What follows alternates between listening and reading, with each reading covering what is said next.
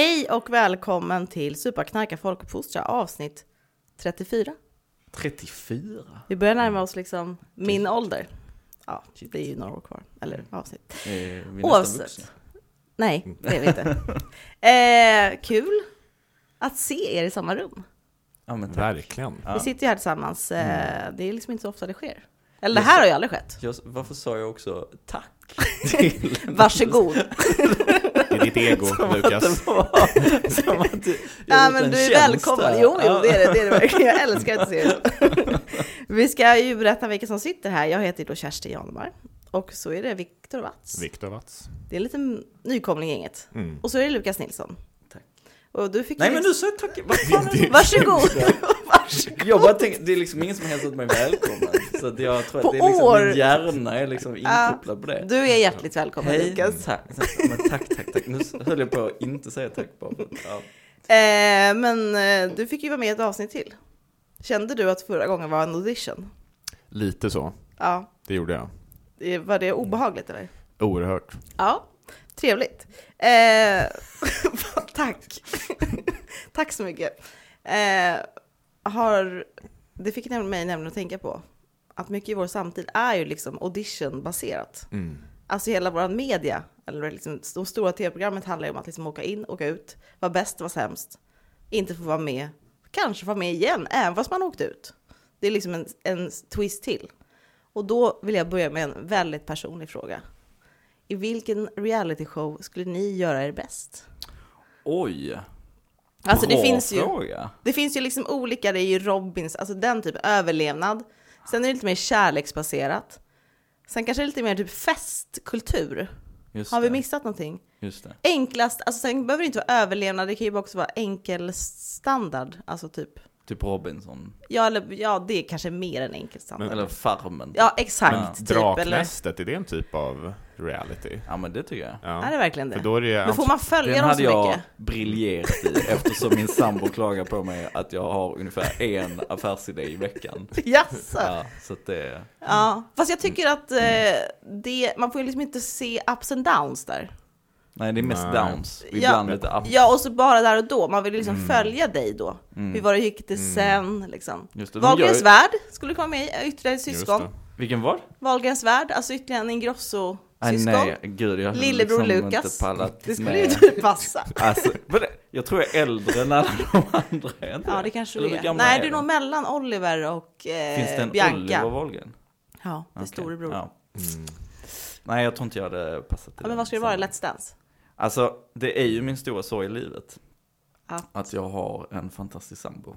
Som gör att jag inte kan vara med i Gift vid första ögonkastet.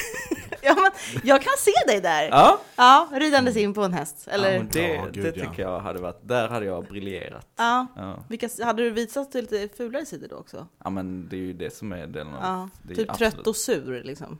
Nej men... eh, Morgonhumör. Ja, men jag vet inte, kanske... Nej. Ja, men det är ju det, det är ju det, det är ju där, därför man vill vara med. Ja, se vad som Gud, kan det här bli en podd om Gift vid första ögonkastet? det är... Det är därför man vill se det. Men du då? Vad skulle du platsa? Mm. Eller vad skulle du vilja vara kan man säga, det kanske är viktigt. Det här är en kul fråga, för jag har ju faktiskt sökt in till ett realityprogram. Är det så? Ja. Vilken då? Det är lite kanske samma problem som Draknästet, eftersom det är bara en kväll, men det är ju första dejten. Just det. Mm. Så det sökte jag in i år, Ja. och jag kom långt. Jag var... ja, du kom långt. Du Ja. kom till första dejten? Ja, Nej, så, så långt kom jag inte, tyvärr. Nej. Men Ja. jag kom ju på den fysiska intervjun och de letade ju matcher efter mig. Är det, Det var så? sant? Ja, ja visst. Aha, Men så du att om de bara hade hittat, om de bara hittat någon så Ja, ja, ja, liksom, absolut. Så, och jag inser nu att jag bryter ju mot mitt sekretessavtal i castingprocessen. Men eftersom jag inte kom med så tänker jag Nej men det att, måste man ju få med på det- sitt CV, att man ändå kommit långt i. eh, Jag kom nästan med Ja, men de, Ja. kanske, de kan ju höra kanske av sig. ja, till nästa säsong. Ja, För det tror jag har de har gjort för någon Gift vid första ögonkastet, att det är så här, Ja. de hör av sig säsongen efter liksom. Du ser till att fortsätta vara singel, så att du Exakt. kan göra din Och tv-karriär. det kommer nog inte bli något problem. det, det, det är ett uppdrag jag kan lyckas med. Halloj! Hej, hur går det? Hur mår du? Va, vad, har, vad har jag gett mig in på Ellen? Vad fan är det här? Vi ska också prata idag om någonting annat som du är känd för. Jag har många strängar på Och min det lyra. är för att du för ett antal år sedan gjorde en föreläsning i Sri Lanka. Jag Exakt. var svårt ute. Det är liksom ett vida känt tillfälle. Har du hört om det här eller? Om när Viktor var på Sri Lanka och höll en föreläsning. Ja. Nej, det har nämligen nått mig från flera håll. Eh, Jag är ju eh, förvisso ganska opåläst Ja. och Ja, men då- obildad. Så att, men det, så det har slunkit förbi mig. Ah, Okej, men då får du höra det nu då, för det var en stor grej tydligen. Mm, mm. Eh, men det handlar alltså om de liksom stora industriernas liknande strategier kan man säga och vad Mm. det typ gör, gör hur liksom det påverkar våra liv och hur det till slut påverkar vilka är, vi vi är och vilka vi vill vara. Mm. Eller hur? Det kan man säga. Det är som the circle of identity. Circle of Life. Precis. Precis. Eh, men du var i alla fall där och föreläste på, det var någon form av internationell UGT-konferens eller?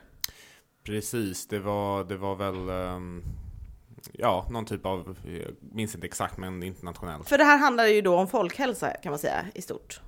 Eh, Eh, ja, det blir förlängningen av det. ja, Men ehm, liv och död. det är det ju också, Ja, som alltid i livet. jag lägger ord i mun. Du kan liksom inte heller säga nej. Men min blick är liksom lite för stark. Eh, men det handlar också om marknad och marknadsföring. Ja, det här är ju alltså intressant för att utöver liksom köpmönster så är det också identitet och hälsa som det liksom handlar om Mm. i till syvende och sist. Ja, men exakt, för det handlar ju om hur industrier av olika sorter formar människor efter sin marknad på olika sätt. Och så här, vi är ju, liksom inom nykterhetsrörelsen så är man ju väldigt duktig på att förstå alkoholindustrin. Jag menar, det har ni pratat mycket om och det, där har man ju bra koll på vilka strategier som sker och så. Och eh, syftet med att det började med de här bloggposterna och sen då föreläsningen, det var ju på något sätt att förstå alkoholindustrin är inte unik här, utan det finns ett mönster hur andra industrier arbetar också. Men det gemensamma är att, gemensamma är att tobaksindustrin utgör någon typ av, NAV typ eller? ja, eller Föregru- an, an, anfader Ja, kanske, ja, ja. på Ja. det sättet. De Mm. la liksom grunden för hur man jobbar på de, på de här olika sätten. Eh, Och sen så har många andra industrier tagit efter det och liksom format. Patriarken, tobaksindustrin. Ja, men lite så. Mm. Jag tänker lite på den där filmen, eh, har ni sett den? Thank you for smoking? Mm. Eh, det, då det är någon eh, reklam eller någon marknadsföringsansvarig person som då lobbar för tobaksindustrin. Och så sitter han ju i- slutet med fil av filmen så, ja nu spoilar jag, men Ja, ja, då sitter, ju. Ja, Mm. då sitter han ju med massa andra industrier också runt något så här lunchbord och så här, det är vapenindustrin och köttindustrin och eh, ja, massa andra industrier som liksom då tar... Nätverka lite. Ja, men typ. Nätverkslunch. Ja, exakt på Ja. det viset. Så det, det är lite den bilden man kan ha framför sig. Just det. Eh, men det här, det som kan vara bra att ha med sig också är liksom begreppet NCD, alltså Mm. Icke smittsamma sjukdomar. Mm. Heter det på Precis. svenska NCD. På engelska. Non-communicable diseases. Dagens folkbildande element. precis. Och då skriver ju du att de här smitt, alltså icke smittsamma sjukdomarna sprider sig dock som en ep- epidemi. Mm. Och vad, vad är det du menar då? Ja, det är ju för att vi har vi har ju massa industrier vars produkter bidrar till de ja, fyra värsta icke smittsamma sjukdomarna.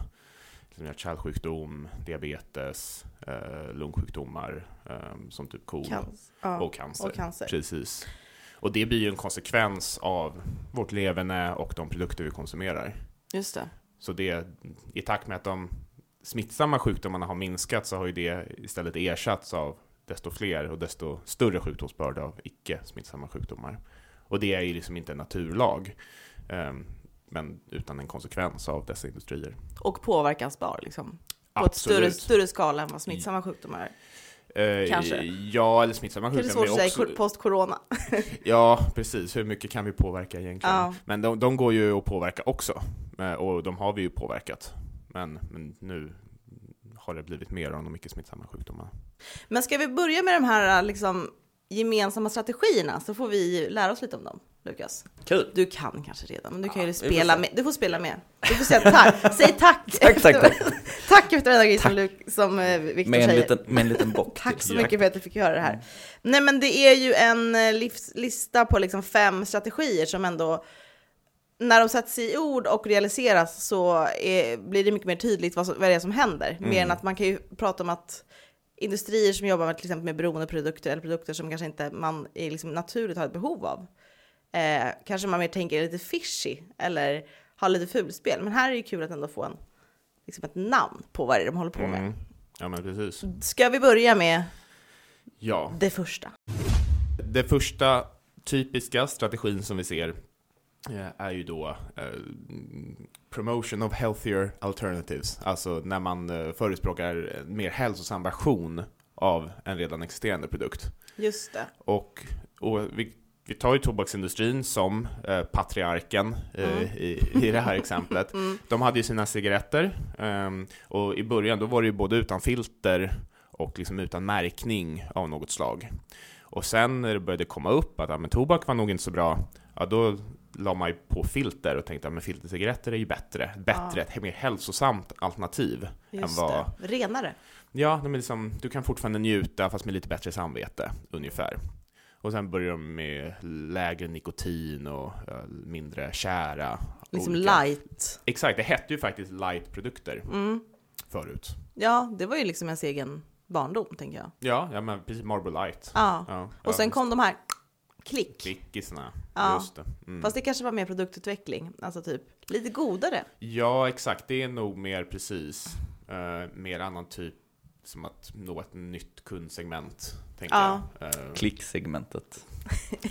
tack. De som gillar Nu är vi klick. alla där. Vi som alla gillar att klicka. Ja. Eh, och jag tänker, vi, vi kan ju tillsammans komma på flera exempel på hur alkoholindustrin har gjort. Eh, vill, vill ni fylla på Lukas? Hur skulle du säga att Nej, men- alkoholindustrin jobbar där? Ja, men jag satt, bara ett, ett, ett exempel är, jag satt i ett typ ett pitchmöte. Eh, där det var massa olika människor som, som pitchade olika liksom, Draknäst. Eh, Ja men typ Dragnästet Ja. fast det var liksom ett rollspel och det var, det var Ja. i en del av en kurs och sådär. Och då var det en som pitchade idén av så här zero calorie beer.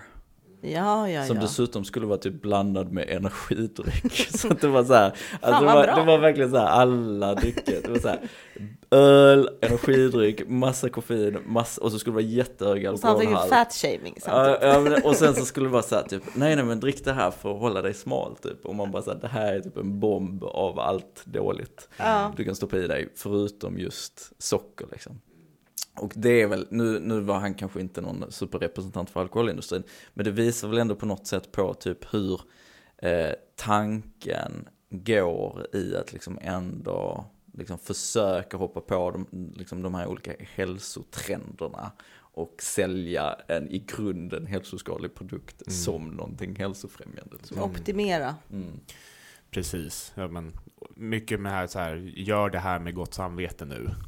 Det, alla säger att det är dåligt, men nu har vi adresserat det, så nu kan du göra det bra. Mm, det. Fortsätt konsumera. Budskapet är tydligare, liksom. Ja, Att det är okej. ja, eller påbudet blir desto större. Just det. Mm. Det var första. Ja, precis. Och då bara som ett exempel, för jag Ja, använder ju ja. Mm. så här big, apropå big, eh, big food, eh, stor mat.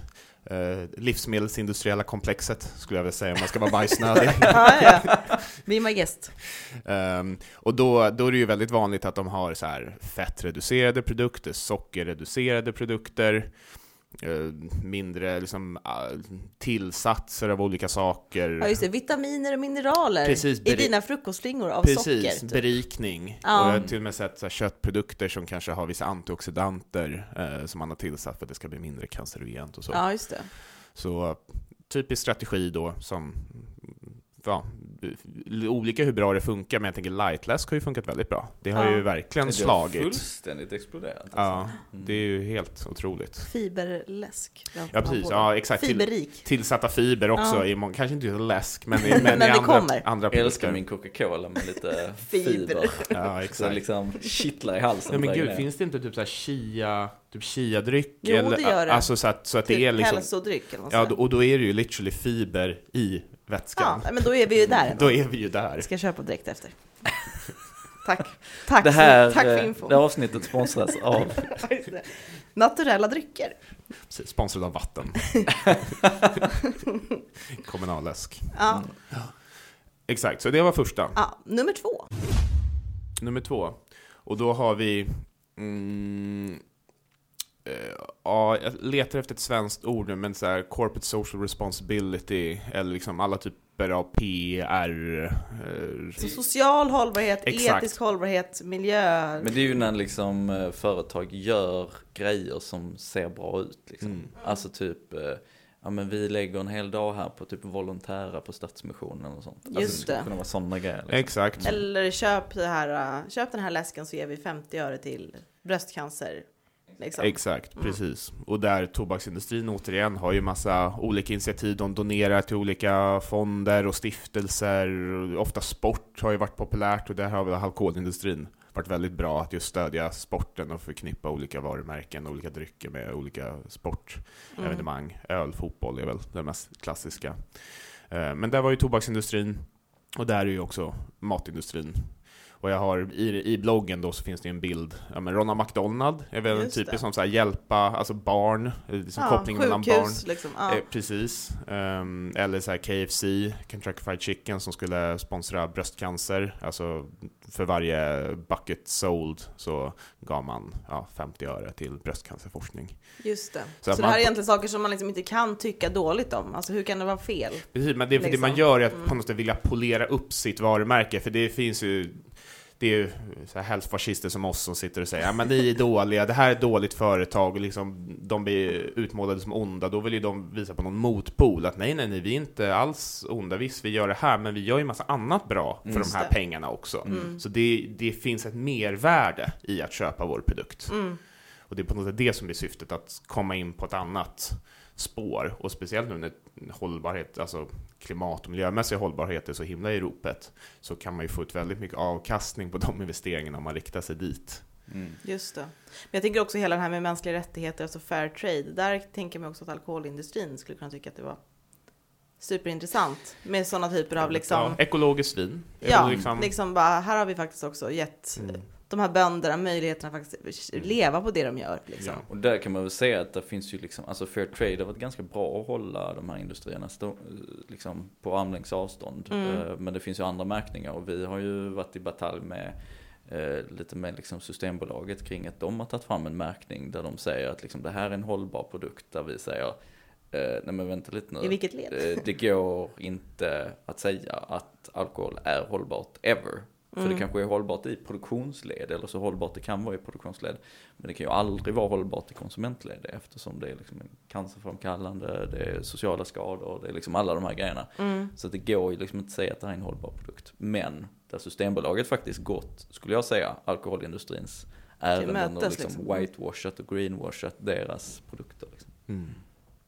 Ja, en eh, liksom, tydlig strategi ändå Mm. för att öka liksom, trovärdigheten för sin produkt. Och jag Som tänk- vi då lyckats också, även i ett land som Sverige. Ja, som är så reglerat. Och jag tänker bara, mm, om vi, som ett vanligt exempel här i Sverige, ju hela, tänkte på Pride-paraden. Hur, Mm. många, hur många företag ser man inte som går i Pride-paraden, eller när det är Pride-veckan, ändrar sin logga så att den blir regnbågsfärgad. Mm. Bara Alltså, för att liksom... på något- Brett också, liksom. vilka typer av produkter som helst som inte bara är... Ja, ja precis. Ja, men Det, det, kan ju finnas. Pride-äpple liksom. Ja. Mm. Så det är ju en skala där liksom i hur... Mm. ja, men det är på något sätt att skapa någon så här humanistisk bild av de här företagen. Jag var och besökte en eh, beroendeklinik i ett annat land. I, eh, som eh, var spons den här beroendekliniken var sponsrad av eh, alkoholfabriken, ölfabriken. Nej. Som låg liksom typ två kvarter bort. Så man kunde känna doften av liksom, Produktion. produktionen. Och sen så två kvarter ner låg liksom kliniken som var sponsrad av Det är här liksom företaget. ekosystemet där i slutet. Ja, det är verkligen så här. That's a circle of Här life. kommer beroende in, här kommer, och det är ju så här, men platt, det var ju också typ så här åtta platser eller någonting sånt dumt. Ja. Det var en avgiftningsklinik. Eh, och det, det är ju inte ens i närheten av behovet som, som den här produkten skapar. Liksom. Mm. Så det, men det är ju Ja. typ ett sånt exempel. Och så kan de säga, nej men titta här, vi tittar på, vi tar vårt ansvar, bla bla bla. Mm. Ja, mm, nej, det gör ni inte riktigt. Nej, exakt. Hmm. Ja, Sen har vi nummer tre. och eh, då är det, det här är ju någonting som kan man ju prata ännu mer om, men det är bara som marknadsföring överlag. Mm. Och marknadsföring i sig, den har ju, kan ju delas upp på massa olika sätt hur man liksom riktar in sig, men det är bara så här, mycket marknadsföring, Liksom Och- typ penetrerande marknadsföring. Ja, Nej, var men- ja, genomträngande liksom. Ja, men precis på massa olika sätt.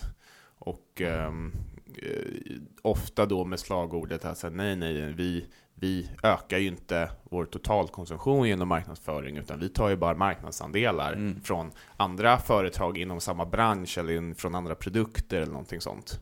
Just det, det är liksom inte ökad konsumtion utan, Det är det de hävdar. ja, nej men precis. Men ändå så lägger de sig otroligt mycket.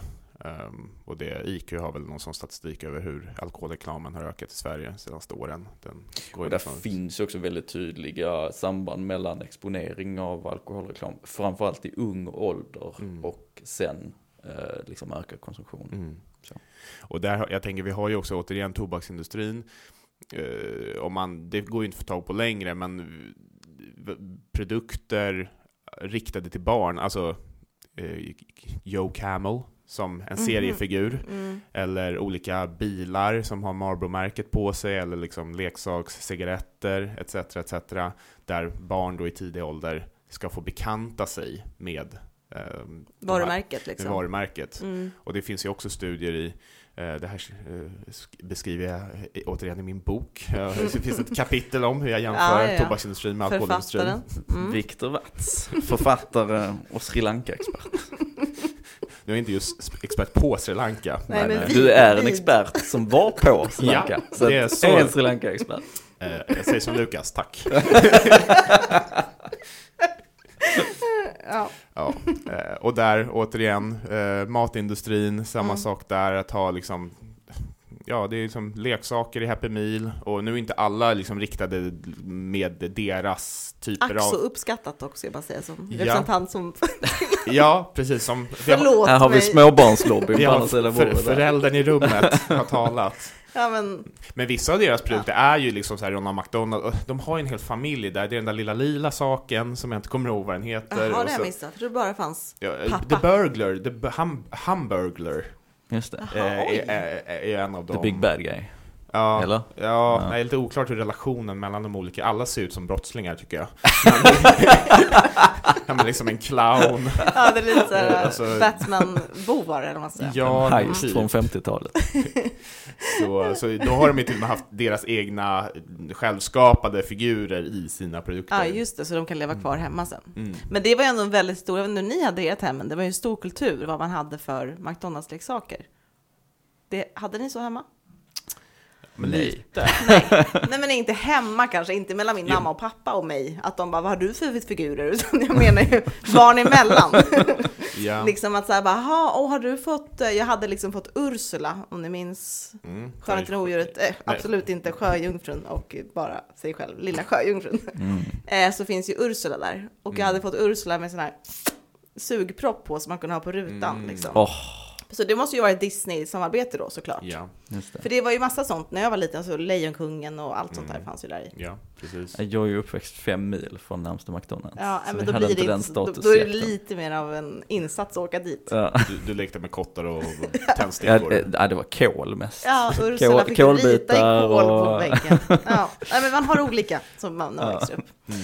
Ja, Precis, så det kan vi ju komma tillbaka till något annat avsnitt och djupdyka i marknadsföring och de olika strategierna där, för Mm. där finns det ju också väldigt mycket. sen har vi, eh, det är två punkter kvar Lukas. Ja, men med. jag är så tacksam för dem vi har fått hit. Stort tack till Viktor.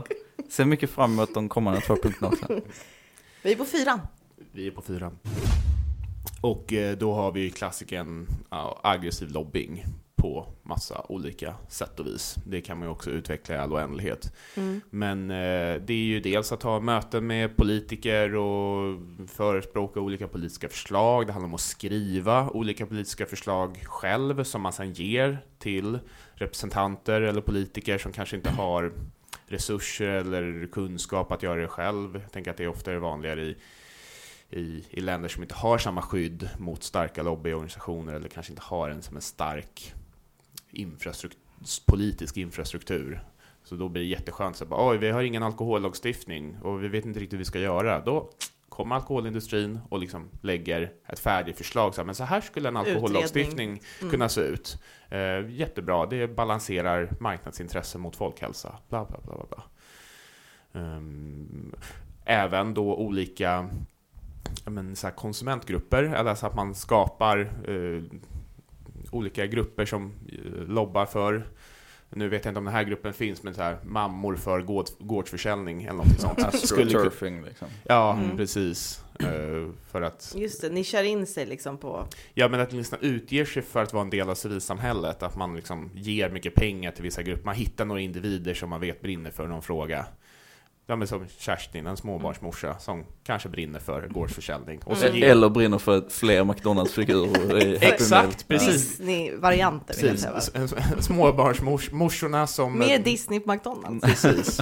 Och då kommer Disney in Mm. tillsammans med McDonalds och sponsrar er så att ni har er lilla förening så kan Ja. ni göra verksamhet och stå och dela flygblad och så, ja, på något sätt ja, gå i deras ärenden. Ta rygg, ta rygg samtidigt som man puttar på ryggen. Det var en fin liknelse. På något sätt. Ta rygg, putta rygg. Mm. Putta rygg. Putta rygg. Mm. Så det, ja, också kan utvecklas i all oändlighet, men det är liksom grunden och det gör ju alla industrier på olika Mm. sätt. Tobaks, Mm. alkohol och matindustrin. Och jag tycker att det, det är viktigt, för att i, ibland från, från alkoholpositiva debattörer så, så, så kommer ju liksom det här inlägget att, att det är liksom, men vadå, det är väl inget problem med att alkohol, alkoholindustrin har påverkansarbete, det har ju liksom nykterhetsrörelsen och folkhälsoorganisationer, alla. har ju påverkan. Och det är klart, så här, nykterhetsrörelsen har ett påverkansarbete, det är ju därför vi finns på något sätt. Mm. Ehm, men det finns ändå liksom två stora skillnader här som jag tycker är viktigt att belysa när man pratar om alkoholindustrins liksom lobbyingarbete. Det första är ju liksom resurs, alltså det är så sjukt, sjukt skev resursfördelning. Vi gjorde en kartläggning i, eh, på EU-nivå där vi tittar på hur många av eh, mötena som EU, topp, eh, toppnivån av liksom EU-kommissionen tar kring alkoholpolitik. Och av 20 möten så är 19 med företrädare från alkoholindustrin. Mm. Och bara en av 20 är med liksom läkarorganisationer, nykterhetsorganisationer, recoveryorganisationer eller olika liksom ideella organisationer som ändå kämpar för att liksom möta dem i grind. Och det är klart att så här, ja, man kan säga som politiker att ah, nej, men jag bara lyssnar in och sen så fattar jag min, bed min bedömning. Men om 95% av informationen och världsbilden du blir förmedlad blir förmedlad från ett perspektiv, då är det klart att det är det perspektivet som kommer liksom väga tyngst. Och dominerar. och liksom. dominerar Mm. i liksom när du ska fatta ditt beslut. Så det är det ena, liksom, det är en skev resursfördelning. Och det andra är ju att alltså, alkoholindustrin är ju företag. De kan se sin politiska påverkan som en investering. Så här, lägger vi 100 miljoner på att påverka det här politiska beslutet, då kan vi i slutändan ut. få 300 miljoner. Mm. För att vi- det gör att vi kan sälja mer eller liksom sälja enklare eller sälja billigare eller vad det kan handla om. Eh, och så det ligger liksom i deras intresse att ha en så dålig politik som möjligt. Mm. Liksom. Det är en affärsmodell. Det är en affärsmodell. Mm. Medan en ideell organisation, de varken kommer ju, alltså IGT som organisation kommer ju varken liksom gynnas eller missgynnas i vår organisation eller liksom i vår resultaträkning eller vad det kan handla om. Beroende på om vi misslyckas eller lyckas med att liksom... Men lyckas man totalt så upphör man ju existera. Ja exakt, det är nästan liksom, tittar man från någon form av självbevarelsedrift så är det Ja. ganska dåligt att lyckas med sitt ändamål som ideell organisation. Ju, ju mer man minskar alkoholens skadeverkningar, desto färre nykterister kan man rekrytera till rörelsen. Ja men exakt, för då kommer Ja. det inte kännas angeläget längre Nej. och sådär. Så att, så att, så att vår, vår, våra ansträngningar är ju, och, och det är ju det som är utgångspunkten, att liksom våra ansträngningar är ju inte för att gynna oss själva. Utan våra ansträngningar är ju för att vi vill se ett bättre samhälle. Och det är faktiskt en väldigt stor skillnad i när man tar ett samtal. Alltså varför sitter du i det här samtalet med den här politikern? Sitter du där av ett egenintresse? Eller sitter du där för att du vill representera ett allmänintresse eller liksom en, vad du ser som en väg till ett bättre samhälle? Liksom. Och den distinktionen tycker jag blir, är det färre och färre som faktiskt ser värdet i att upprätthålla. Och det tycker jag är en jätteviktig del, så att det inte bara blir så här, ja ja men alla påverkar väl. Ja, så på lika bara, villkor, På liksom. lika villkor. Ja, på pappret ja, men titta på intressena och titta på maktbalansen. liksom. Mm. Det blir väldigt tydligt när man klär i ord att va- varför är du här? Ja, Liksom. Det är inte bara, ja. men jag är här, jag bara är här lite grann och pratar lite grann. Så Mm. Jo, det är klart att du här, liksom? alkoholindustrin försöker klä det som att nej, men nej, men vi, är bara, vi vill bara att det ska bli bra och bla bla bla. Men det är klart Ja. att så här, Ett intresse. 68% enligt en brittisk studie av eh, alkoholindustrins intäkter kommer från liksom, högriskkonsumtion. Den typen av konsumtion som alla på något sätt ändå är överens om att så här, den ska inte ske. Oavsett om man tycker att lågriskkonsumtion ska ske eller inte. Men det är så här, nej det här är, det, det här är liksom inte bra konsumtion. Eh, de skulle aldrig agera på ett sätt där de 68% av deras intäkter skulle liksom försvinna. Nej. Alltså det, det är ju liksom en utgångspunkt som man måste bära med sig på något sätt. Mm. Precis, och ändå så kan de ju ha marknadsföring, apropå den tidigare punkten där det är eh, drick måttligt. Mm, Alltså precis. att då, för de, de, har ju, de måste ju förespråka det. Mm. Men då blir det också, ja, men, återigen en annan typ av så här, psykologisk tillgänglighet, så här, drick måttligt. Ofta Men så här, ja precis, drick måttligt, var ansvarsfull, var lite tråkig. Mm. Alltså nästan som att det blir eh, det mottot de vill förespråka. Och motsatsen av det är att Ja, vad men fan om du vill. inte, ja, men om du inte dricker måttligt, då är du ju förmodligen lite roligare. Mm. Det är ofta så mycket av den ansvarsfulla marknadsföringen ser ut. Alltså det, att det ändrar liksom det, det psykologiska sminket hos, Hos oss. mottagaren liksom. Ja, precis. Ja men för det är ju det, den här marknadsföringen, det visar ju så här, oftast är det ju Ja men du vet så här, eh, här är alla tjejer du får ligga med, här är Mm. liksom nu får du vara the center of attention på partyt. Alltså liksom det är ju Precis. den, det är ju Men de drick måttligt. Men drick måttligt, Ja. drick ansvarsfullt kommer liksom på slutet. Man bara Mm. absolut liksom. Ja. Så det är ju, alltså alkoholindustrin kan ju, som du säger, de frontar ju alltid med att de säger, nej men vi förespråkar måttligt drickande. Men de gör ju inte det. För att det ligger inte i deras intresse att göra det. För att då skulle två tredjedelar av deras intäkter liksom försvinna över en natt. Mm. Och det skulle de aldrig klara av. Liksom. Det är liksom, nuddar ju lite den här sista punkten som handlar om, på engelska då, shifting the focus. Alltså att Ja. liksom spela lite med knäna, att man pratar om det här. Alltså det, det påminner ju ändå om att liksom, man menar en sak men pratar om någonting annat. eh, Mm. För, för att få liksom, Ja, precis. ändra riktning på samtalet. Mm. Men så här, shifting focus handlar ju om att visa att det är vår, vår produkt eller liksom de hälsokonsekvenserna man får utav vår produkt, det är absolut, det kanske inte är så bra i vissa fall, men det finns ju massa andra saker som är dåliga. Eh, så här, livsmedelsindustrin säger, ja, men okej, läsk kanske inte är det bästa, men det är mycket värre att röka. Och så kan tobaksindustrin säga, nej men det är väl inte jättebra att använda tobaksprodukter, men titta hur mycket Socker du får i Ja, dig. men titta hur mycket socker du får i det, Mm. liksom att uh, sådana kostfaktorer utgör en jättestor del av liksom, eh, folkhälsobördan. Så att man liksom på något sätt vill sätta det i relation till andra saker och genom det ta bort fokus från sig själva. Och det, gör de of- det, det har man också sett när man kollar i deras informationsmaterial, att de har ett språk, alltså liksom rent semantiskt, och liksom den statistiken och faktan de visar på, som försöker förminska deras egen betydelse. Mm, verkligen. Så här, eh, eh, gud, ett så här vanligt exempel.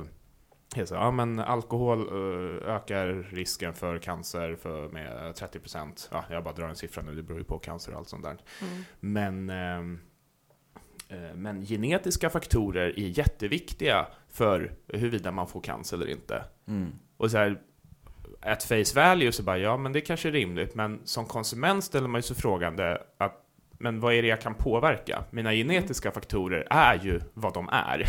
Ja, det har man insett Det, tidigt. det, det, precis, Och så får man vara tacksam för det. precis. Ens genetiska Det begränsning är ju liksom lagd sedan Ja. födseln. Ja, Så då blir det på något sätt bara, men de säger ju bara det här för att på något sätt förminska det som vi kan påverka. För vår alkoholkonsumtion eller vår livsstil kan vi ju påverka, men vi, vi kan ju inte påverka vår genetik. mm. Så då blir det så att ni säger ju bara så för att flytta fokus och tänka, ja, ja, det finns massa andra saker som påverkar huruvida jag får cancer eller inte. Mm. På något sätt, återigen, psykologisk tillgänglighet ökar för produkten. Och det som är så, jag tycker det som är så svårt också med alkohol, eller det som alkoholindustrin är ganska, eh, liksom ligger dem i fatet här, är ju att eh, skadorna av alkohol är ju så multi alltså det, det- det sträcker sig över så många dimensioner. Mm. Eh, det är så enkelt att titta på till exempel tobak, för då, ja men, eh, ja men då tittar man på rökning och så tittar man på lungcancer och så finns det ett jättetydligt samband och så liksom jättemånga som dör av det och så är det så här, mm, okej, eh, här finns det någonting. Men- Röken liksom. om Man säger. Precis, Folk men dör i rummet också. Medan alkohol, det, nu är alkohol förvisso den andra, eh, andra mest, eh, vad ska man säga, den andra viktigaste påverkbara faktorn till cancer efter tobak. Mm. Men då kan ju liksom alkoholindustrin säga, men, men tobak då? Det är så Ehm, himla dåligt. Exakt, men, och sen så är det ju liksom, men sen så kommer det ju in, alkohol kommer in i våld, det kommer in i sociala problem, det kommer in i liksom eh, ungas möjlighet till utbildning, för växer man upp i ett hem där det liksom dricks för mycket så förstörs det ens förutsättningar för att ta del av utbildning, det spelar in i jämställdhet, det spelar in i, alltså det spelar in i så många olika frågor. Och det gör ju att eftersom den, alkohol kanske sällan är den liksom absolut viktigaste faktorn i just det ämnet som man tittar på. Så ger, gör det ju att alkoholindustrin kan liksom bagatellisera frågan när man bara tittar på en specifik fråga som cancer eller vad det nu kan handla om. Ehm, men lägger man, lägger man hela det här pusslet så är det ju jävligt tydligt att alkohol, alkoholindustrin har en otroligt destruktiv kraft liksom på, på, liksom, på, på sammanhanget. Det är, mer som, det är som en paraplyorganisation över skit. Exakt, exakt, Och det andra är exakt. mer väldigt hårt att ja, men röker du så skadas dina lungor. Liksom. Exakt, exakt. Och det är därför det är så viktigt att så här, ibland blir ju liksom alkoholfrågan reducerad till en folkhälsofråga. Och folkhälsan är ju jätteviktig. Det är ju en, alltså det, alkohol orsakar väldigt mycket sjukdom, orsakar väldigt mycket liksom lidande. Men det är också en socialpolitisk fråga, det är också en eh, liksom, trygghetsfråga, det är också liksom en barnrättsfråga, det är liksom alla de här frågorna. Och det är ju det, och det, är ju det som alkoholindustrin kan liksom spela med, att isolera och bagatellisera. Om man tänker bara cannabisindustrin som ändå är på uppfart, i, på, eller som man ser tydligt i alla fall, eh, är ju verkligen, kan, man- kan man också boxa in i alla de här, eh, liksom, har ju också lärt av det här systemet och hur man liksom, Ja. vi har inte nämnt det överhuvudtaget, men Nej, precis, alltså det var nej. ingen kritik Nej, nej, mot gruppen. precis, absolut. Och de har ju också i många fall, alltså de är ju ofta sprungna ur tobaksindustrin, Mm. eftersom det är ju en produkt alltså, eh, som de är vana vid att producera och hantera. Alltså Mm. odla ett visst typ av blad som ska ha en viss eh, effekt som människor är ute efter. Ja, Så, um, och, men sen håller de ju på med massa annat, liksom med godis och ja, apropå att göra det sätt. tillgängligt mentalt. Men där är det ju väldigt tydligt, cannabisindustrin är ju väldigt duktig på att säga det, om ingen har någonsin dött av cannabis. Nej. Och det är ju sant, alltså ingen har ju någonsin dött av en cannabisöverdos liksom. Men tittar man på cannabis inverkan på psykisk ohälsa så är ju den liksom väldigt omfattande. Men du vet, då är det så lätt, för det är så lätt att vi liksom mäter allting i dödstal liksom.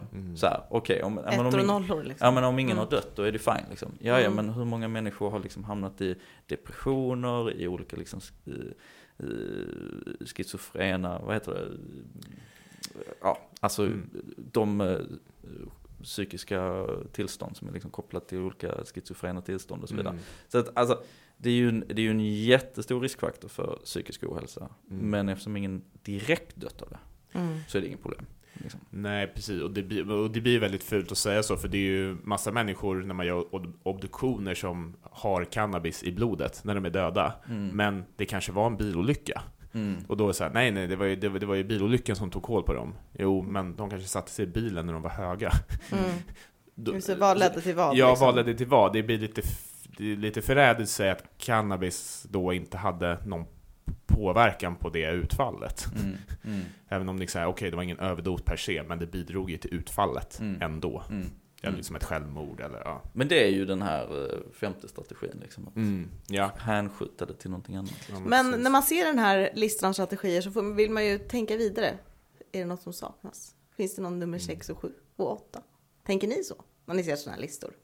Eller allt kanske ryms i, för jag börade tänka Det på här var massa väldigt grejer. otacksamt mot Viktor. Han har kommit med sin lista. Din första fråga Tack. Viktor vill jag säga först. Det var en jättebra lista, tack. Eh, men jag började tänka på typ, men saker jag började komma på massa andra, så just sådana här grejer ryms i och för sig kanske i den här liksom. Nej, men jag tänker så här, nu har vi ju liksom, man vågar ju knappt säga ordet AI. Utan att För att det är så liksom, uttjatat. ja man orkar ju liksom Ja. inte. Jag fick, så man ju mycket, jag fick så mycket skit i förra avsnittet alltså. Jag kommer med min AI, AI-bubblare. Ja, men jag menar det är ju öppna upp möjligheter för liksom analys av oss som människor och liksom hur vi rör oss, vad vi- man skulle kunna Mm. sätta marknadsföring, alltså den typ av, men det kanske ingår i själva marknadsföringsdelen att det finns nya strategier där som är väldigt effektiva. Alltså tänker på så här datainsamling, läsa av statistik, kanske läsa av hälsotrender eller liksom på ett helt annat sätt än vad som liksom marknadsföring i stort, där liksom vi tre ska sitta i ett rum och komma på någonting som någon annan kan läsa av på liksom hur mycket data som helst eller Mm. jag tänker det sk- öppnar ju upp nya liksom, möjligheter Ja. till andra strategier, tänker jag. Precis. Nya svar. Och ja, exakt. Och det är möjligt att det kanske skulle vara en egen, eh, en egen pelare i Mm. en strategi. Men just nu tror jag att AI går in i, i alla olika delar. Ja. Alltså- Ett analysverktyg liksom. Ja, men det kan vara så här, eh, fråga chattis, eh, skriv... ja, men det, det, är- det är ju chattis. Det är så vi säger. Ja, ja, det är så vi säger. Jag håller Det är så vi med. säger i branschen. Ja. Eh, Men så här, skriv, skriv en tweet som eh, liksom lyfter... Lockar, Ja, liksom. men så här, lyfter de positiva aspekterna med att dricka alkohol på jul eller någonting sånt. Mm. Och så bara på ett fint sätt. Ja, just det. Och så gör den det. För det är det man har sett, och det här har man faktiskt haft en studie på, nu kommer jag in på AI igen. Ja. Men em, det var, en, det var en studie där man jämförde, människor fick em, eh, hälsobesked eller typ hälsoråd av ChatGPT eller en läkare.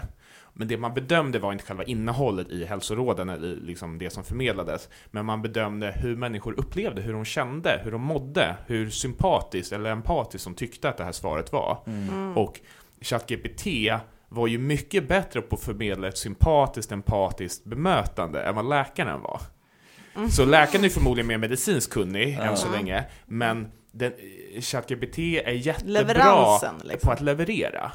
Och det kommer ju säkert kunna vara så här, ja men verkligen så här individualiserad marknadsföring. Så här, vi, vi, vi delar ju redan upp konsumenter, eller liksom användare på internet i olika kategorier. Så här, du är eh, 39-årig kvinna som Mm, har bor barn. så här liksom. Bor så här, har de här intressena, därför kommer Älskar du... McDonalds-figurer. Precis. Disney. Ja. Disney. Så inte nog med att nu man vet vilken reklam du ska få, nu kan vi också skräddarsy reklamen så att den passar din psykologiska makeup också. Mm. Så som du vill ha den utifrån kanske AI då.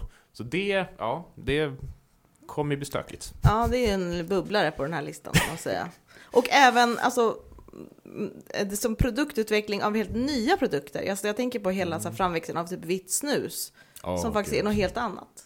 Mm. Tydligen då. Det Nej, är man ju tobaksfri tobak. Ja, exakt. ja.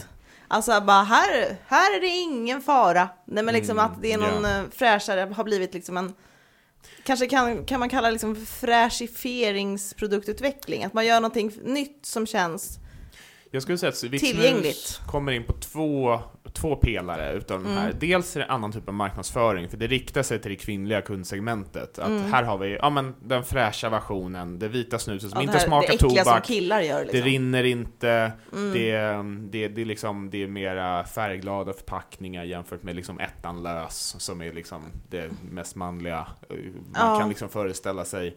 Men det är också, kommer in på det här eh, mer safer alternatives, alltså det är liksom en mer säker version, alltså det är helt tobaksfritt ju. Det är Mm. bara nikotin. Och därför är det, skippar man alla liksom cancerframkallande ämnen från tobaken och kan bara få den rena substansen som man är ute efter. Så där blir det som en kombination av de två Just som det. jag tror har lett till att det har blivit så himla populärt. Nej men eh, får man lägga till en till utan att Kör! Ja, jag tänker på det här med marknadsföring. Någonting som är djupare än marknadsföring, bara marknadsföring, är ju liksom hela in, det här är också ett ord som man inte vill säga, men influencer-delen av samhället. Alltså man, hel, man har en hel ny yrkeskår som kanske försörjer sig på att marknadsföra. Som är, alltså en, en yrkeskår som är beroende av till stor del företag som till exempel snus eller Ja. alkohol eller eh, spel till exempel. Mm. Att de, deras uppehälle, det är liksom inte en, de är inte arbetare på industrin och är behov av, så kan man också ha en sån här, in- liksom, i debatt när man pratar om kärnkraft till exempel var det alltid så här när jag typ gick på folkhögskola så pratade vi så här, är det bra eller dåligt? Så var det alltid någon som kom från en kärnkraftsbygd så bara, men våra jobb då? Alltså, men det kan man ju liksom, det finns ju en koppling där ifall man är emot eller för, oavsett. Det är kul att folk har jobb eller gruvor, vad som helst. Men det här är liksom en annan typ av arbetargrupp, influencerna. Som liksom är så upphöjda också till typ det som barn vill bli nu för tiden. Alltså influencerdelen är intressant på så många sätt. Dels på Ja. hur man använder dem, men dels också hur de i sin tur Dit många strävar, de behöver tunga industrier som behöver synas för att marknadsföra sig liksom. Och det här är ju egentligen inget nytt, alltså det här har ju varit argumentet mot att förbjuda alkoholreklam. I, i, alltså i Sverige har vi inte haft alkoholreklam fram till EU-inträdet förvisso, men i andra länder så har ju den här diskussionen pågått eh, till och från eh, i väldigt, väldigt många år. Och det är ju det ständiga argumentet, men hur ska liksom fotbollsklubbarna klara sig? Ja, För att det är så mycket alkoholreklam i sport, Ja. evenemang, och alla älskar sport. Så då blir det liksom att, att förbjuda alkoholreklam blir att förbjuda sport. Eh, eller sabba sport liksom. Och Ja. det är ju ingen som vill göra det. Ehm, så att det är ju någonting som hela tiden dyker upp. Men jag tänker, det är ju det som man också måste tänka, att när, om folk liksom lägger mindre pengar på någonting, så lägger de ju troligtvis mer pengar på någonting annat. Alltså om man lägger mindre pengar på snus och, och liksom cigaretter och alkohol, så kanske man lägger mer pengar på kultur eller på upplevelser eller på någonting annat. Och då växer ju de industrierna och då finns det ju liksom Mängden jobb är ju konstant. Ja, ja, det, Alltså konst, på- ja men på något alltså, sätt, alltså, det, är kortsiktigt i alla fall. ja liksom. exakt, Mm. alltså att det är liksom, så länge det finns köpkraft och så länge det finns människor som vill köpa saker, då så kommer det ju finnas, eh, kommer det ju finnas liksom pengar i omlopp på något Mm. sätt liksom. Ehm, så att det är ju, eh, det är ju så man på något sätt får tänka, men det är ju klart att det kanske, det kanske är färre, det kanske inte så att Dramaten vill göra reklam på jag vet inte om Dramaten får göra reklam överhuvudtaget för de är typ en myndighet. Men, men, eh, men liksom de kanske inte vill göra reklam på uh, fotbollsarenan. Vilket Mm. de kanske borde egentligen. Men alltså förstår ni vad jag menar? mm. Att det är i, i, i det liksom lilla perspektivet så, så är det klart att olika rörelser kan ta stryk på kort Men sen är sikt, man ju också så fokuserad på sin tid. Alltså jag menar, vår tid har ju bara funnits i ett ex. Det finns ju bara nu denna sekund. Alltså för Mm. 100-150 år sedan var, var ju någonting helt annat. Mm. Eller för 50 år sedan eller 70 år sedan. Alltså det är liksom inte... Det finns ju ingen utstakad väg att det måste vara exakt som det är idag och det är det bästa. Uppenbarligen är det ju inte det bästa. Det är många som är missnöjda med samtiden. Am I right? Mm. Det var tankar för dagen med Nej men det, är, det här mynnar ju ut i liksom en, eh, ett engelskt, tre engelska ord. Eller hur Viktor? Och en förkortning. Och en förkortning. Jag ser så mycket fram emot detta. Precis, och förkortningen är the CCC. Wow. Mm. Och det står för the Corporate Consumption Complex. Alltså, Syftet med det, det är inte, det är inte jag som har myntat det, utan det är en uh, folkhälsoprofessor som heter Niklas Freudenberg, som har skrivit en bok som heter Lethal but Legal, som är väldigt, väldigt bra. Han, han, han, han förstår mycket av det som det här kommer ifrån, kommer ifrån honom. Och det CCC, eller det här komplexet, det är ett sätt att förklara varför ser vi, hur kommer det sig att alla de här strategierna är likadana mellan alla olika industrier? Hur kan det vara så att de är så lika varandra? Och det är för att de verkar i liksom samma typ av anda. De har ja, ett, ett eget komplex. Och det här komplexet, det är ju bara då eh, som ett nätverk av en massa olika... struktur liksom typ. Ja men precis, en struktur av massa olika typer av organisationer. Och det är ju som, allt det som vi har varit inne på, det är PR, lobbyorganisationer, det är finansiella eh, institutioner, det är forskning, vi har ju inte pratat om köpt forskning, det är också liksom en del av det. Um, o- olika as- astroturf-grupper som du var inne på. Vad är det? Alltså det är ju det som, som Viktor beskrev innan när ett företag liksom köper sig till en chimär folkrörelse. På något sätt. Man har en massa människor som ser ut som att de är gräsrotsaktivister men egentligen är det liksom bara massa pengar som går till, kanske egentligen, kanske till och med avlöna människor till att se ut och vara gräsrotsaktivister. Liksom. Eller i alla fall väl- Gräsrotstroll. Exakt, Mm. eller ja. Det var ett fint ord, det lägger jag på minnet. Precis, så det är liksom det konceptet han vill lansera bara för att förklara att det är ingen slump att, det, att alla olika industriella komplex eh, har samma strategier, utan det är ju för att de jobbar enligt samma modell.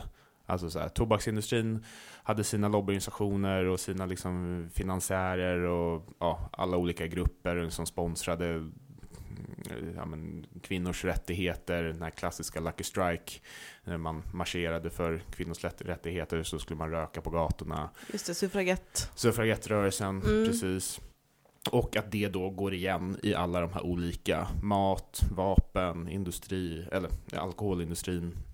Och det då kallar han, benämner det som eh, the corporate consumption complex. Och jag tänker vi börjar komma in nu på liksom nästa del, för vi har ju liksom varit, på ett sätt, vi har varit uppe på toppen av isberget nu. Vi har liksom beskrivit en del av de konkreta symptomen. Alltså, vi har pratat om folkhälsokonsekvenserna, vi har pratat om de konkreta strategierna från företagen. Men liksom under det, under vattenytan, så finns det en desto större eh, köttklump av ideologi.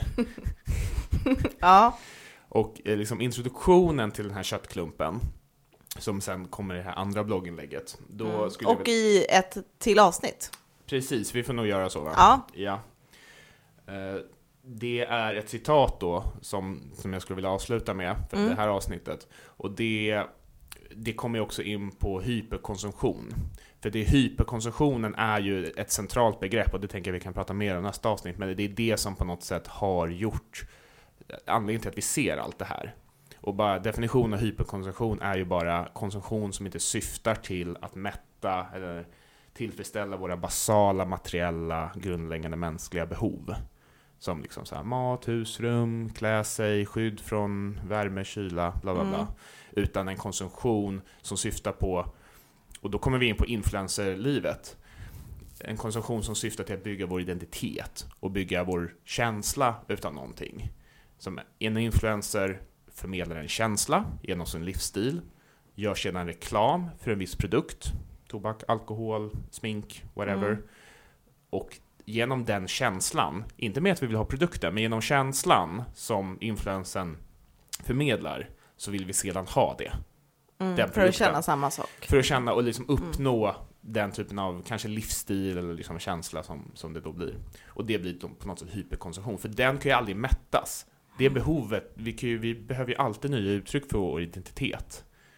Och det, just det här, den här konflikten, att som behovet av hyperkonsumtion, det var en fransk ekonom vid namn Victor Lebau Mm. eh, som på något sätt tänkte så här, det, det måste nog bli på det här sättet, för eh, det här var då 1955, och han såg då så som marknaden och kapitalismen såg ut då, då började marknadsekonomin, i alla fall i västvärlden, bli rätt bra på att liksom mätta människors grundläggande mänskliga behov. Ja, Men vi kunde producera mat, vi kunde producera, producera kläder, det, det, liksom, det fanns inte så mycket att göra, många varor och tjänster var Det rullade på liksom. det rullade liksom på. Mm. Och då tänkte han, men om vi ska kunna fortsätta växa i den utsträckning, och vår ekonomi ska kunna fortsätta växa i den utsträckningen som vi har gjort hittills, då måste vi ju ha någonting annat som får oss att köpa. Och då sa han så här, det här är ett förkortat citat då, men eh, då läser jag. Our enormously productive economy demands that we make consumption our way of life, that we convert the buying and use of goods into rituals, that we seek our spiritual satisfactions, our ego satisfaction, in consumption. Mhm, Som ett självförverkligande liksom. Precis, vi förverkligar oss själva genom konsumtionen av varor och tjänster. Vilket då inte var lika vanligt på den sidan. Nej men det här gränsar väl in till meningsfullhet, alltså vad, Ja. vad är meningsfullhet Mm. idag och Ja. vad, var, vad har det varit förut? Exakt. Om man liksom har, vad ska man säga, nu känns det som att jag myntar så konstiga begrepp här, men liksom om man har eh, sin eh, grödglädje tillfredsställd, eller förstår ni? Att man, Gröd? man har sina grödor. Ja, grödor. Man har sina grödor, man har sig liksom, man är, man är all set, eller vad man ska säga. Du menar, du menar, du menar alltså att man är mätt? Man är mätt, Ja, det, man har grödglädje. det ska jag börja använda istället. Vill du ha, vill du ha en annan portion? Nej, det är okej. Jag har min grödglädje. Nej men man behöver, man behöver inget mer egentligen. Eller? Alltså det är väl den så här, och, och vad, hur, söker, hur söker man mening då? Liksom? Mm. Påverkar det meningsfullheten i livet när man inte kämpar för att, Mm. liksom sin, ex, sin överlevnad? Även fast det, Ja, ja, det finns ju dimensioner i det också. Vad är överlevnad? Är det bara liksom att bli mätt? är det grödglädje eller är det också glädje i, i sinnet? Är livet mer än grödglädje? Ja, det är det väl. Ja, det, Mm. det är det absolut. Men frågan är om det ligger i ökad konsumtion av Mm. Varor och tjänster från den här typen av industrier vi Just pratar det. om. Det kanske mer handlar om kultur som du var inne på. Mm. Att liksom lägga mer av vår, eh, vår inkomst på kultur i så fall. Hela den här diskussionen för ju också in frågan på frågan om agens. Liksom. Vi har pratat om det tidigare när vi pratat om alkoholnormen, att så här, hur frivilligt, eller vad man ska säga, är, eller hur liksom medvetet, hur genuint är behovet av att konsumera alkohol? Ja, men i vissa fall absolut, det verkar finnas en genuin efterfrågan, en genuin intresse. Men i många, många fall så handlar det ju om eh, grupptryck eller kanske ännu mer vanligt liksom, eh, grupptryck och, och, och att man är rädd för liksom, sociala sanktioner. Men kanske ännu mer vanligt är ju känslan av Alltså att man bara gör det på slentrian, att det är så här, nej men det här sammanhanget kräver att jag dricker alkohol, så Tradition. då gör jag det och så bara gör man det för att man, det, det är så det är. Man går på fest, man går på bjudning, man går på mingel, ja då dricker man, okej, då gör man det och så är det lite trevligt för att det liksom hör till. Och sen så har man inte egentligen reflekterat över huruvida den där alkoholen är viktig i sammanhanget eller inte, utan det, det, det går inte att separera. Det är som tårta och kalas. Liksom. Exakt, då blir det liksom, Mm. då, man bara, då har man ju liksom ingen agens i det egentligen. Och då tänker jag, jag kommer tillbaka till det vi pratade om tidigare här med liksom, vad händer när AI blir så avancerad? Nu blir det en AI-spaning igen då här. Oh no. Men, men eh, ni, får, ni får hålla ut. Ehm, att eh, vad händer när AI är så eh, liksom bra att den ska, kan skräddarsy marknadsföring till dig specifikt och liksom bara mata dig med så här det här är ditt behov, det här är det du behöver, det här är det du vill ha, tjoff tjoff tjoff. Alltså vad händer med vår agens? Alltså vad händer med vår möjlighet att faktiskt ha egen makt över våra Alltså, val och våra liv? Handlingskraft liksom. Exakt, Mm. när vi hela tiden blir matad in vad det är vi ska köpa, liksom. vad, det är, alltså, vad det är vi vill ha. Mm. Eh, och inte liksom ges möjlighet att kanske formulera det själva. Mm. Utan det är någonting som hela tiden serveras åt oss på något sätt. Mm. Det är ju det på något sätt som, som vi är inne och pratar om. Precis. Och då vill jag bara, då kan jag verkligen illustrera det du säger med en väldigt spännande studie som jag också avslutar det här första blogginlägget med. Mm. Och det man gjorde då, det var att det var en studie på amerikanska collegestudenter. Man eh, frågade dem dels 1966 och sen eh, nitt- eh, 30 år senare. Och då frågar man dem, varför studerar du? Varför pluggar du på högskola? Vad är din liksom, motivation, eller liksom, syfte med att göra det här? 1966, då sa eh, 83% av studenterna att anledningen till att de pluggar, det var för att utveckla en meningsfull livsfilosofi. Mm. Det var liksom den största motivationen. Och sen kunde man också svara, man kunde liksom gradera eller svara på flera frågor. Så då sa eh, 43% att de också såg det som ett sätt att eh, få pengar. Alltså det var ett sätt att, ja, uppehälle. Liksom. karriär liksom och Ja. tjäna pengar. Sen frågar man dem 30 år senare. Nya studenter väl? Eh, det var nya studenter. Exakt, det var inte samma studenter. Mm. Nej. Utan det var ju då De var folk som fortfarande fort kvar. kvar och pluggade 30 Ja. år senare. Ja, då Mm. hade jag inte litat på vad de sa. Nej. Ehm, men de dåvarande studenterna 30 år senare ställer samma fråga. Och då visar det sig att de här liksom, siffrorna, 80 versus 40%, det var helt omvänt. Mm. Så istället, då frågar man hur, var, varför pluggar du? Då sa 42% att de såg sin högre utbildning som ett sätt att få en meningsfull livsfilosofi. Medan 77% såg det som ett sätt att tjäna pengar. Mm. Mm. Och det här var ju då alltså på 90-talet, alltså den här sista Just frågan. Så det är ju säkert ännu, 20 år sedan. Liksom. ja, Ja. precis, det är ju säkert ännu mer idag. Och jag tror också om man liksom har pluggat på högskola och snackat med sina kursare så vet man ju att många, många använder ju sin högre utbildning som ett sätt att, ja men det är ju för att tjäna pengar. Snarare än att utveckla en meningsfull livsfilosofi. Man skulle ju låta så jävla bajsnödig Mm. om någon frågade det. Så här, varför, varför har du börjat plugga det här programmet? Nej, det är för att utveckla en meningsfull livsfilosofi. Till den äldre generationen vill jag säga, klipp er och skaffa ett jobb. Skärp er för fan. Ni ska bidra till samhällsekonomin, Ja. inte hålla på och flumma. Precis. Och med de orden är det dags för veckans bubblare.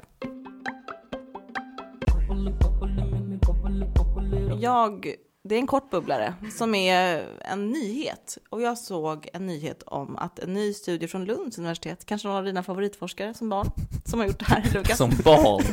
Ja, men dina idoler. Förvisso att jag var lillgammal. Ja, men du sa det men så lillgammal var jag inte. Att jag hade favoritforskare. Jo, det har kommit fram i tidigare avsnitt. Men en ny studie då från Lunds universitet, jag vet inte om du har hört det, eh, visar då att den som har gått på bio, teater eller en konstutställning det senaste året löper mindre risk att dö bland annat hjärt och kärlsjukdomar. Alltså att det skulle vara en livsförlängande då, ska man säga, aktivitet. Det kanske inte, det är liksom inte nyhet, tycker jag, att folk kanske mår bättre, eller vad man ska säga. Men vad sa du, vilka aktiviteter var det? Eh, bi- bio, teater och konstutställning. Mm.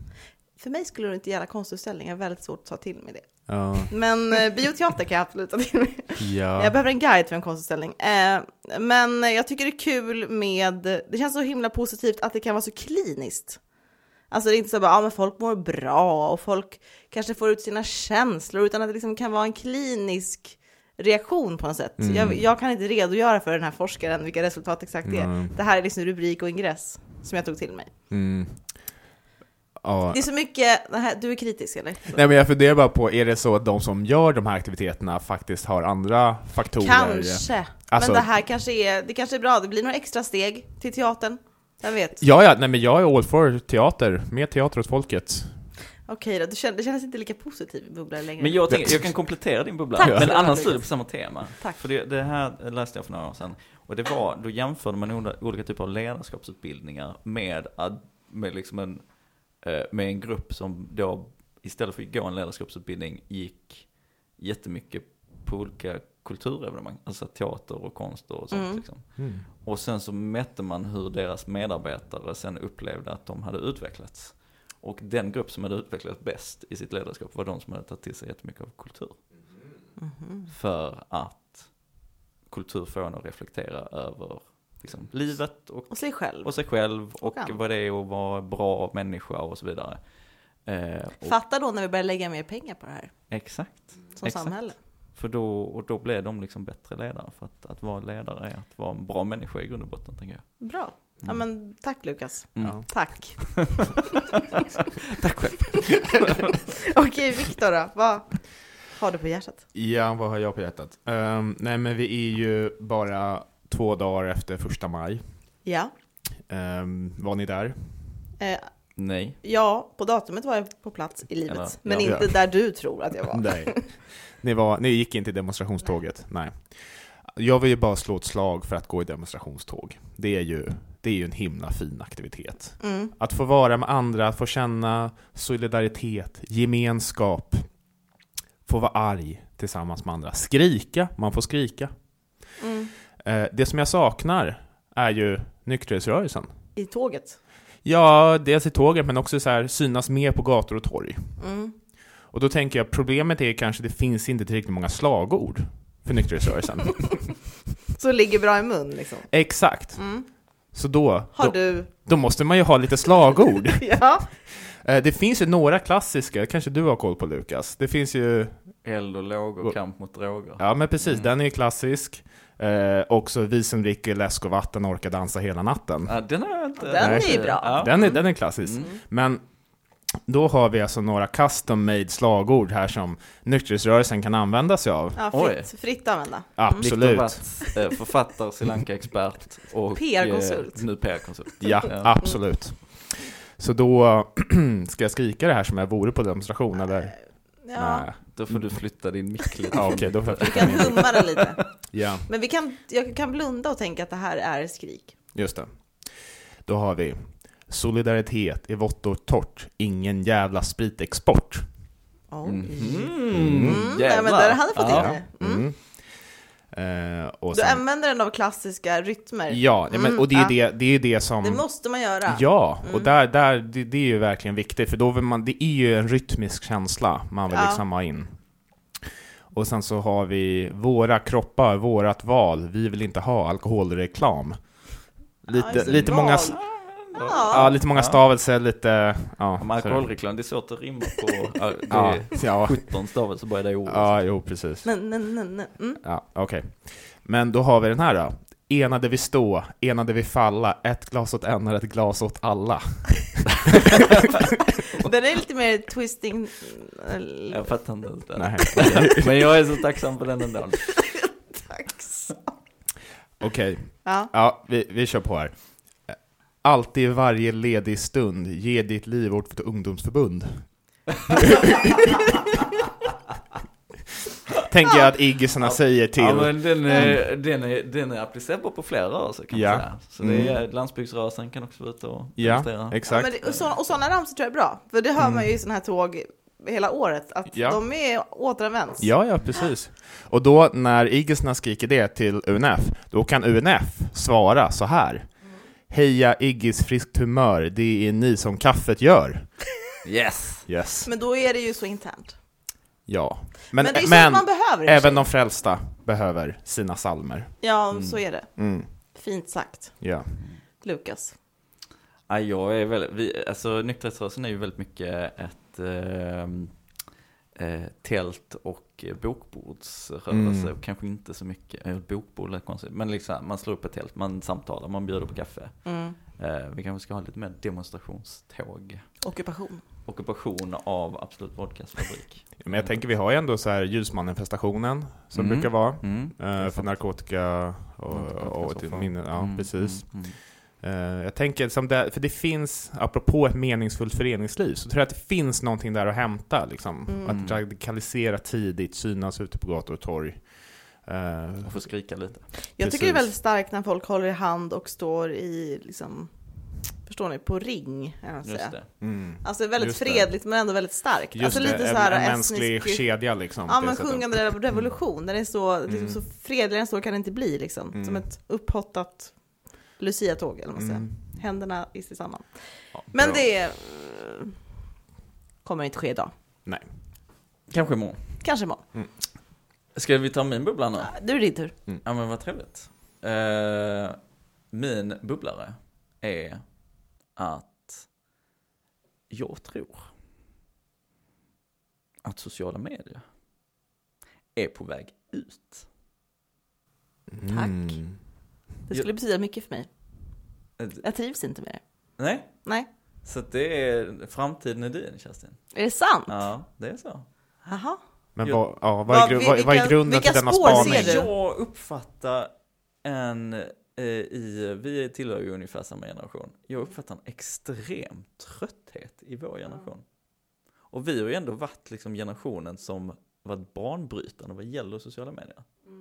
Eh, i kombination med att den unga generationen, eh, alltså att- fler och fler eh, ser liksom farorna med att vad som händer liksom med den unga generationens exponering till sociala medier. Med allt ifrån eh, liksom orimliga kroppsideal, skärmberoende eh, och eh, liksom o, otillbörlig eh, liksom påverkan på något sätt. På, alltså från främmande makt eller från Ja, liksom, vad liksom. det kan handla om. Liksom. Extremism på något Mm. sätt. Och ett, liksom, den typen av grejer.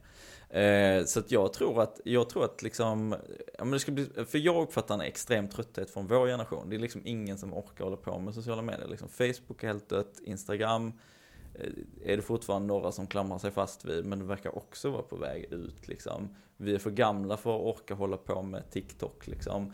Twitter är ju bara en massa hat Det är har åkt troll ut. liksom. Ja. Det är ju ingen som orkar vara där ens liksom. Eh, då är liksom, ja Reddit det är väl mest bara en massa tekniknördar som hänger där liksom. Alltså, Mm. det, vilka plattformar är det kvar? Liksom. SMS. Ja, jag Flash- vet inte om sms räknas som ett Nej socialt nej forum. men det kanske är det vi går tillbaks till. Att Ja. så här, vill vi se varandra då får man väl Nej. höra av sig. För det är ju det som är också grejen, att det, den plattformen som jag uppfattar är på framväxt, vilket kanske egentligen mer har att göra med eh, att vi liksom anpassar oss till internationella normer, för det har ju varit den här som varit eh, liksom plattformen number one eh, i många andra länder, och det är ju WhatsApp. Mm. Mm. Som ju i princip Alltså det är ju, det är ju jävligt mycket en stretch skulle jag säga att kalla det för sociala medier. För det är ju i princip en sms-plattform. Ja, Mm. Man behöver ju för fan till och med ha någons telefonnummer för ja. att liksom kommunicera med. Mm. Alltså det är ju bara, det är ju typ, eh, SM, det är ju en sms-plattform med en eh, fin logga liksom. ja. Mm. Och jag Absolut. tror det är liksom dit vi är på väg. Mm. Det, skulle vara, ja, det skulle vara underbart. Men, jag kommer arbeta för att det här ska bli sant. Ja, Jag skulle önska att en motrörelse mot liksom tittandet är görandet. Det här har ju ingenting med din bubbla att göra, men Ut på gator kanske och är- torg kanske? man är ledsen att titta, man vill göra. Men jag Man- tänker mer typ slöjda, tälja. Mm. Bondifiering, kultur. Gå på bi, Ja. vad var det, bio, Bio, teater och konstutställningar. Mm. Och ut på gator och torg och sjunga nya vi nya- knutit man får-. Man får spola tillbaka för att lära sig de här ramsorna. Ja, Man kanske får en favorit, hör av er. precis. Ja men kul, men stay tuned för nästa del då. Som kommer i nästa avsnitt. Det gör det. Det blir ännu mer spännande kanske. Exakt. Bra. Ha det bra. Chilivippen. Hej då. Hej.